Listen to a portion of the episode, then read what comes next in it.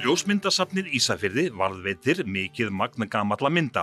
Guðfinna Reyðarstóttir, sagt fræðingur, hefur yfir ymsjón með myndasafninu og við ætlum í þessum þætti landsbyggða að fletta vestfisku ljósmyndasafni.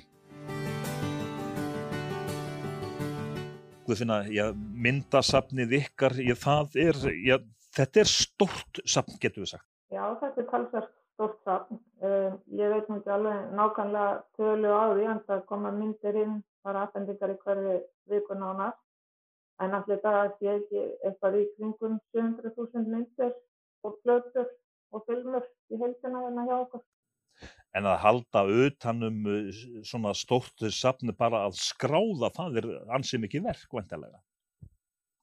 Já, já, það er heilmikil vinna og hérna og við erum alltaf bara með starfsmann sem er bara nánast einhverjum því og svo er það annars sem að sérum afgræðsluna og, og að koma myndum inn á vefin, það er mjög mikið eftirspurnandi því og skiljanlega því að fólk hefur mikið áhuga á gamlum ljósmyndum. Þannig að við reynum eins og við getum að miðlusu út af vefin þannig að fólk getur skoða þetta.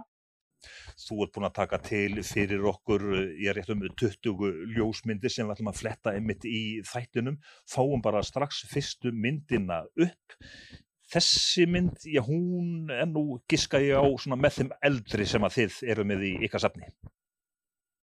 Já, hún er það, en hún er þó ekki einn frá þessu ári því að um, þetta er sem sagt árið 1866, Eirin 1866 tekin í ágúst uh, um það leiti sem að Ísafjörður verður köpstöður. Þannig að við getum sagt að það sé hérna köpstöðin sé til í myndum frá upphafi. Og það sem gerðist þarna var það að Sigfús Eymundsson ljósmyndari, hann var að koma frá námi í Danmarku og Noregi, kemur með skipi sem kemur til Ísafjörðar og flatirar og að með minni líka á þingveri. Uh, hann kemur hér og ákveður að gera hvort það hýttur að vera tækifæri í einhverjum business hér og hann, það var bara nóg að gera þannig að hann tók held ég bara myndir að stæðsum hluta íbúana sem byggu á þessum tímamótum í sögu bæjarins. Uh, þá mælta held ég bara langt flestir í myndatökur hjá hann, það er náttúrulega ekki allt varðist en það til tó nokkuð af mannamyndum og svona um, myndum að svona hópmyndir, fólk fór í skóaferð og annars líkt, þannig að við getum sagt að þessi tímamóti sögu Ísafjörðar hafi verið vel skrásett í myndum. Ef við fáum upp næstu myndi, þessi myndu, já hún er líka frá Ísafjörði nokkrum áratugum síðar. Já, ég er að diska á að hún sé svona tekin um, kannski svona 32-33 og það miða ég við að við sjáum náttúrulega þarna er hérna, sjúkrási komið á Eiratúnin 1925.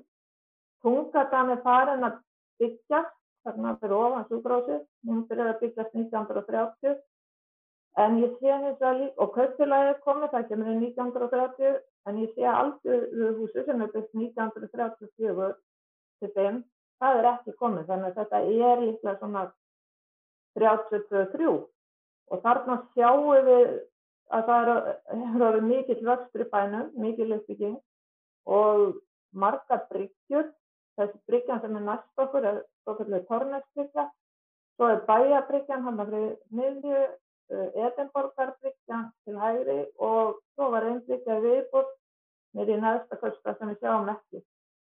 Og þessi uppbygging til dæmis á Tornesi það verður alltaf í kringum sko síldarári.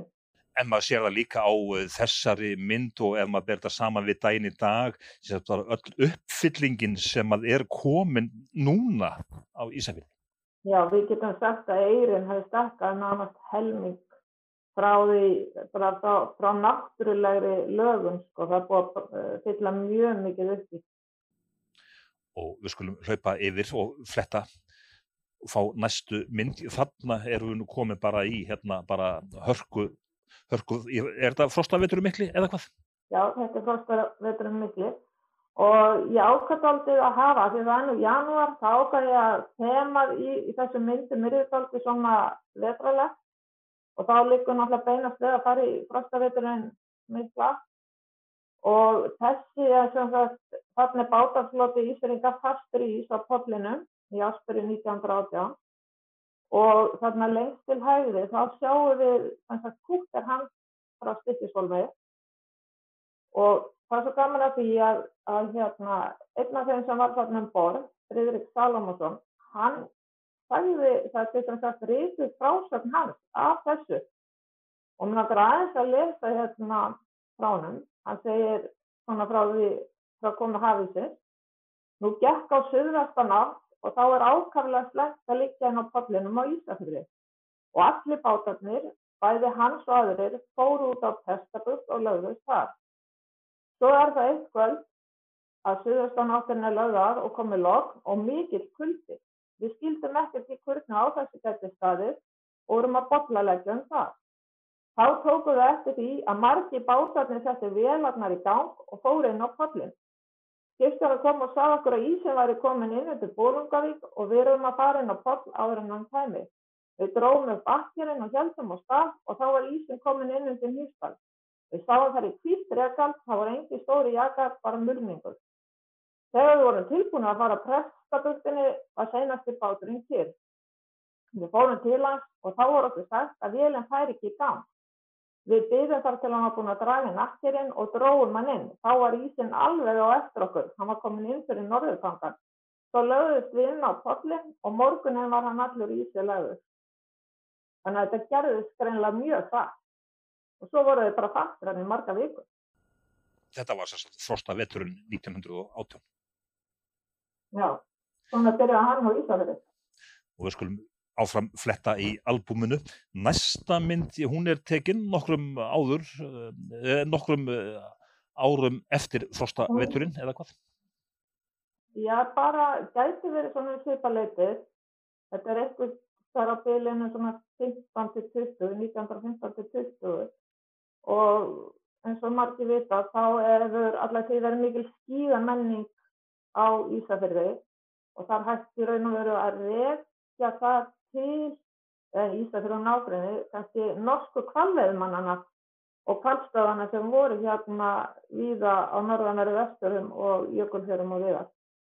Og þar kynntust svona uh, Ísfjörðingar og öðrir þessu, þessari íþrótt að einhverju ráði og það verður svona, já hún verður mjög vinstall upp úr 1900 og svo á veturinn 1905 og 6 þá fór ég með norsku köfmar að flytja skýður og þá svona var þetta fyrir alvöru vinsætt sko.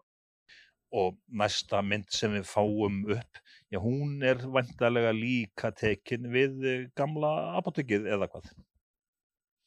Já, ég ákvað, þetta voru hann á apotekið að þetta er að mynda výbúanum eða hluta þeirra, þetta er þannig að og snjómynd líka, svona mjög vetralegt Þetta er frú Elinóra Rasmussen sem var eiginkona Gustaf Rasmussen livsala. Uh, hann var hérna livsala á Ísafjörði frá 1911 til 1920 og ég held að nánast bara að þau áttu fullt af barnum og þau voru flest að fætta á Ísafjörði. Það sem er líka merkilegt við hann Rasmussen að hann átti myndavill og hann tók mjög mikið af myndum og þetta er eins þeirra Þetta er allt glerflötur hjá okkur og, og það sem líka kannski sérfast við Rasmussen að hann tekur myndir óháð ástíðum. Það eru mjög margir sem fara bara út og taka myndir á þessum árum, veist, það er bara stól og blíð og allt og að falla. Og næsta mynd sem við fáum síðan upp, já þetta er nú risa snjókall þarna. Þetta er ísa snjókall og ef við skoðum höfuð á hann þá sjáum við að þetta er nú svona ekki vennjulegt snjókall að höfuð með gullrót og steina heldur hefur verið myndað þarna kall með stort nef og mikla högur og hann hefur öruglega verið sko hérna fengið nafn og verið kentu við eitthvað 13 borgar í bænum. Uh, og það er greinlega verið mikil stemming í kringum það að búa þennan risa kallt til. Þetta er í raun og veru alveg nýra á silfur, það sem silfurkorti er í dag. og við sjáum þarna á baku það stendur gamla bakari sem er náttúrulega margir þekkja og sögur frægt, eitt elsta bakari í landsins sem er eitthvað hægt börðum núna og ekki svölu. En það sem hafi gert þarna, þetta er svona 1920 líka, þarna var þess að bakariðin í brunni, það brann húsið, það sem gamla bakarið var, brann til grunna 1918. Þannig að hérna, það er, og það var byggt svo nýtt hús þarna en það er ekki komið. Og áfram flettum við albúminu, næsta mynd sem við sjáum, þarna erum við komin yfir í atvinnu lífið hins vegar. Já, en kannski tengist líka gamla bakarinn eins og ég var að tala um, því að uh, þið sjáu það er eins og séu þarna svona rétt vinstra megin, neða hægra megin við miðja megin, þá séu það er eins og hústvagn bara á jörðinni. Þarna var sett þak yfir grunninn á gamla bakarinn eða húsinu sem hafi hýst gamla bakarinn og brann 1918, það var sett þak yfir það og þar var fyrsta rastöð Ísafjörðar til húsa. Hvita stóra húsið líka þarna fremst er barnaskólinn byggðin 1901. Svo sjáum við hérna alveg lengst til hægra þarna Turnósið, það er fætt sem er núna held ég verið að endurbyggja á Sjálfossis, sögufrætt. En það brann til grunna 3. júni eh, 1946 og 5 fórus. En það sem er kannski skemmtilegast við þessa mynd, það eru hérna hestakvöldstæðarreitirnir. Þetta voru sartistreitir hestakvöldstæðarvestunar og við sjáum að þarna liggja játbötateinar og þeir lágu frá vestlunarhúsunum uh, í gegnum reytana og niður á bæjarbyggjuna sem var byggja hæstakvöldstæðarvestunar. Og í dag er þetta svæði allt náttúrulega byggt og gjör breytt. Við skulum fá næstu mynd upp. Þannig erum við komin á skýði, skýðabærin Ísafjörður. Já, þannig erum við bara komin upp á Sellandstad og að því ég var nú að tala um sko áðan þegar að það var bara að selja skýði í bænum og þá í framhaldinu á því þá hérna byrtist rétt í blöðunum skýðaskriðið var sagt og hver krakki sem komin var yfir 5 ára aldur var alveg óður upplæður að fá sér skýði úr stöðum, úr óljufötum með gömlum skýrsáum sagt er að sumi þegar hafi ég vel að taka stafinna úr ein, einu kjötuninu sem er allt í eigutinni þess að barnið þeirra getur fylgt með tímanum. Næsta mynd er í raun og veru, já, þetta er sami hópur og hann er þarna sem þess að við skýðheima að fá sér kaffi í bong og blíðugreinlega en þess að skýðheimar þetta hús fyrsti skýðaskólinn, hann var byggðið 1928 uh, og brann svo þremur árið síðan en þá var strax reistu nýrskáli og þess nafni skýðheimar þarna var miðstöð skýðaðiskunnar á þeim tíma Og næsta mynd, hún tengist líka skýðunum? Já, þetta er doldið skemmtileg mynd. Þarna er sagt, þetta er á fyrstu skýðavíkunni sem var haldinn 18. til 21. april 1935. En þá var að skýðafélag Ísverika og skátafélag Einherjar sem að fóru á stað með skýðavíku og það varti mikla, þetta var svona hátið og varti mikla aðtökli og það kom fólk allavega frá Reykjavík og þess að taka þátt í þessu og þetta hefur verið nánast alla tíð síðan 1935 með fáinum undartekningum. Og ég er með hérna aðra svona, já, aðra skýðavíkum mynd. Hún var bara aldrei skemmtilegt.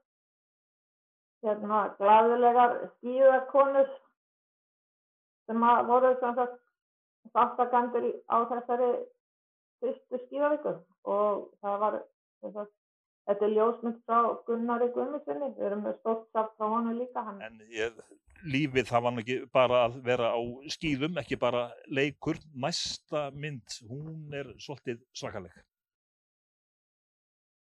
Já, ég er nú ekki alveg viss hvaða skýt þetta er, en það er ansið kuldalegt og hérna, með mikla ísingu Þetta skip er, segir við, bæjarbyggjana í Ísafjörði og er greinlega þá að koma í land, svona vel í það. Gunnar Gunnarsson sem ég sagði hérna var í við Björnsbúr, hann tók líka þessa mynd, við sjáum þarna glitta í hægra með þá sérstu kaupfélagi og ef við kíkjum bara á næstu mynd, þá erum við þarna á podlinum sem er í sig lagður og þarna eru sem sagt byrnirnir svo kalluðu og uh, næst, næst það er þannig að fjárstokkur er sem sagt viðbjörn, sæbjörn og auðbjörn og skipið er ölver. Tungadan er rétt að byrja að byggjast þarna vinstra meginn. Fyrstu húsin þar risu 1930 þannig að þetta er líklega um 30, 31, 2 eitthvað svolítið. Næsta mynd þarna er sem sagt, já, útfur eða hvað? Já, uh, þetta tengist gamla sjúkrahúsinu, þetta er á tröppunum uh, baka til eins og við segjum. Hún er tekið 1927, í janúar 1927 og við sjáum að það breski fánin er þarna á kistunni þannig að það má gera það áfyrir að þetta sé bresku sjómaður. Það var mjög algengt að læri semmi breski tóður að hérna náttúrulega í land. Og ég sé á myndinni að maðurinn hérna með hattin sem er svona með hendina inn á sér, það er Axel Ketilsson sem ég gerði áður að hafi verið umbúrsmaður þessara tilfæknu útgerða og maðurinn sem stendur svo hérna með yfirvarastekkið, hínum með við kistuna það er Tryggvi Jóakinsson sem var ræðismæður breyta á Ísafjörði og aðrir eru, sko maðurinn í kvítasláfnum er náttúrulega bara starfsmaður sjúkrósins en ég held að hínir sem eru örgulega bara hérna, eða bara kistuna, ég held að þetta sé allt íslendingar þannig að það hefur engin af hans, já engin af skipinu hefur verið það verið viðstættur þessa útverð en þess að ég fór á flexu að því að ég veit dagsetningun á myndinni sem að hérna Simpson, Martinu Simpson tók. Og þetta var sem sagt Cape, Cape Crossier ennsku tógari sem kom þarna inn í byrjun janúar uh, 1927 með slasaða mann og maðurinn hafi lett undir výr og mist fókinn. Og hann rétt náði á sjúkrahúsið árin hann dó. Og hann hétt Harper, hann var 21 árs, dó 7. janúar og grafin 18. janúar. Næsta mynd sem við sjáum, því að þetta er skipstrand Gunnhildur strandar, eða ekki? Jú, sem sagt, uh, það sem sagt aðframnótt uh, lögadagsins 25. mars 1960 sem að vélbótturinn Gunnhildur frá Ísafrið strandaði smávík svona réttin hann við Seljalagstall, þetta er aðeins utan við Nýstala og Ósliðinni og báturinn var að koma úr góðu veðri þegar hann strandaði og það vildi svo vel til að það var háflæði og aðdýpið þarna þannig að menninni gáttu bara stokkja bátnum í land og sluppalli ómyndir En það sem var kannski merkilegt, þetta var nýrbátur tilfélag 1957, þannig að hann hefur bara kaffjáður ára eitthvað svo leið, að það var nýbúið að kaupa belgi af varnaliðinu og þarna var verið að prófa þá í fyrsta sinn og þetta þótti mjög svona nýstarlegt. Það voru sem sagt átta ónátaði björgunarbelgi sem hefur verið keittir af sölunend varnalýsegna og komið þarna að góðu gagni. Þannig að það náðist að sagt, e, fyrst var farið í það að hýrða syklingafæki og henni verðmætti bara úr skipinu, svo gerir brjála veður og það tók eftir tíma sko, að bjarga skipinu sjálfu. En það fór svo aftur í viðgerð hjá Marcelíusi og aftur á sjó. En En það var mikil áhallasæði kringum þetta skip því að 1960, í april 66 þá strandaði báturinn við Öskubakk vestar Skálavíkur, hann komst aftur á flott. Svo var hann seldur 69 til Hafnafjörðar og þá 1977 þá stranda hann á Bæjarskerseyri eh, sem er réttunum með innsiklingunni í Sangjari. Svo fekk hann segna namni Bergþór KFM hún var gerður út frá Keflavík og í 8. janúar 1988 þá sökk Bergþór út af Bergdaga og það var fimmann áhöfn á bátnum og það sem það komist þrýri björgunabáta en hverju fóður. Þannig að þetta var nú, uh, þar með lauk hérna sögu Gunnhildar sem var einn af sex velbátum hérna 40-60 tonn sem að Marcelius smíðaði fyrir útgerðir og á Ísafjörðin Hýrstal árið 56-57. Þetta var svona kjölfestan í Ísuska bátaflótanum á þeim tíma. Þetta er merkileg saga og næsta mynd sem fáum upp í já, þannig nú heldur betur Já, óveður. löðin segja að Suðvestan stórviðri hafi valdið miklum skemmtum að hafnastrætt á Ísafjörði sem sagt aðfranátt 19. november 1936 og þetta var reyndar brjála veður um all land og var víða tjón en, en hérna hún Týra Júl, þetta er myndur, úr safni hennar, uh, apotekrabrúin, hún tók nokkra myndir af þessu veðri og hérna þannig að maður átt að sjá, maður sér hvernig sjórin reynilega gengur yfir hafnastrætið og langt inn á eirina. Og þarna sjáum við aðra mynd sem að sýnir þetta svona vel. og segi, þetta er vandamál ennkomstdægin í dag þó að það sé hérna, búið að fylla mikið upp og setja veglegar grjótvarnir og annað slíkt.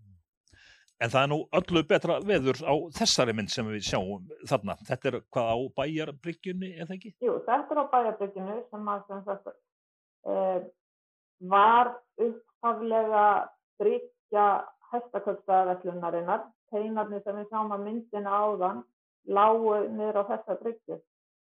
Eh, en síðar meir þá var hún, hún var miklu starri og það voru margir sem nýttu þessa bryggju. Þetta er svona um og upp úr 1950, uh, það er hérna, löndun og vikingi og það sem er kannski áhugavert í þessa mynd er vinnubráðin.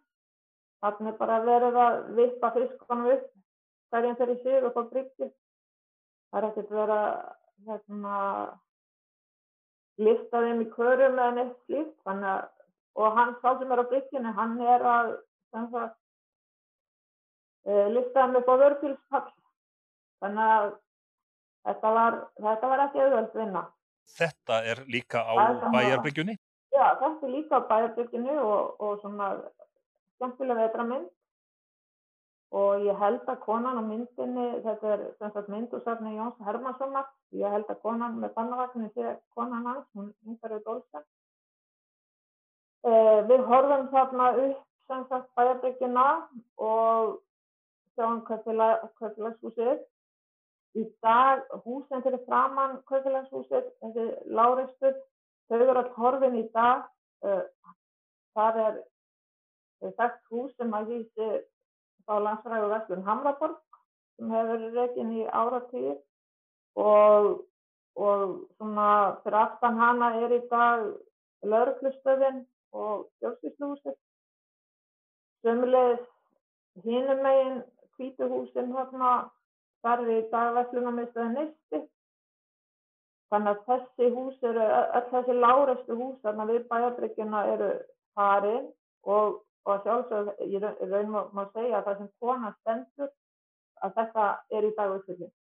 Þarna er nú komið, já þetta eru þá bara mjölkurflutningar eða hvað? Já, því við vorum að horfa þannig á köttfélagið, uh, þá er þessi mynd tekin á bakvið köttfélagið og þarna sjáum við sem sagt hest frá seljalandsbúinu í mjölkuflutningum í miðbæ Ísafjörðar sem sagt, þá um 1900 eða upp úr 1950 og hann hefur verið að koma með mjölk frá búinu, eins og það var kallað, sem hafa sem sagt mjölkur framleiðsla fyrir bæinn.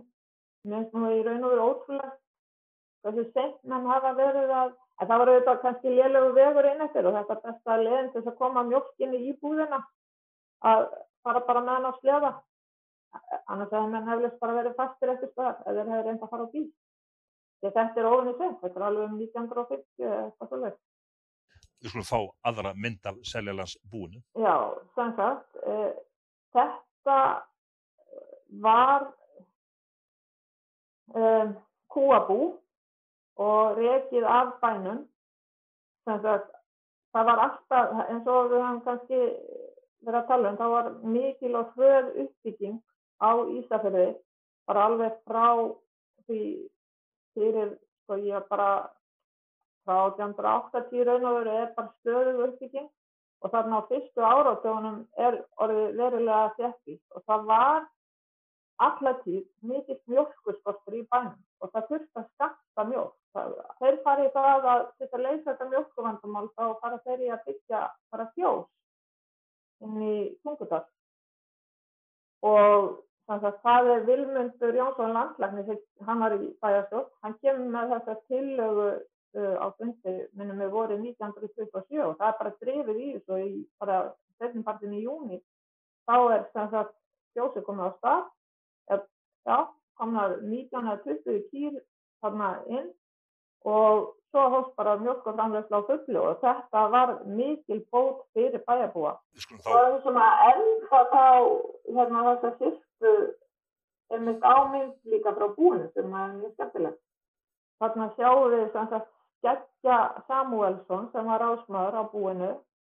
Eh, það var sérstaklega rásmannsbústaður sem var stendur enn þann daginn í dag og er íbúðurhús Hann er þarna á sérsmíðusleða sem er dregin af hestibúsi og þarna eru sem sagt konan hans, hún Ragnar Jónsdóttir og svo dæturnar Þurriður og Guðni. Þegar maður að hafa vetrar tema þá er þessi mjög fín og skemmtileg. Og hérna einmitt lókum við mynda albúminu. Þakka þér fyrir þetta Guðfinna. Að já, vera að grúska í öllum þessum myndum.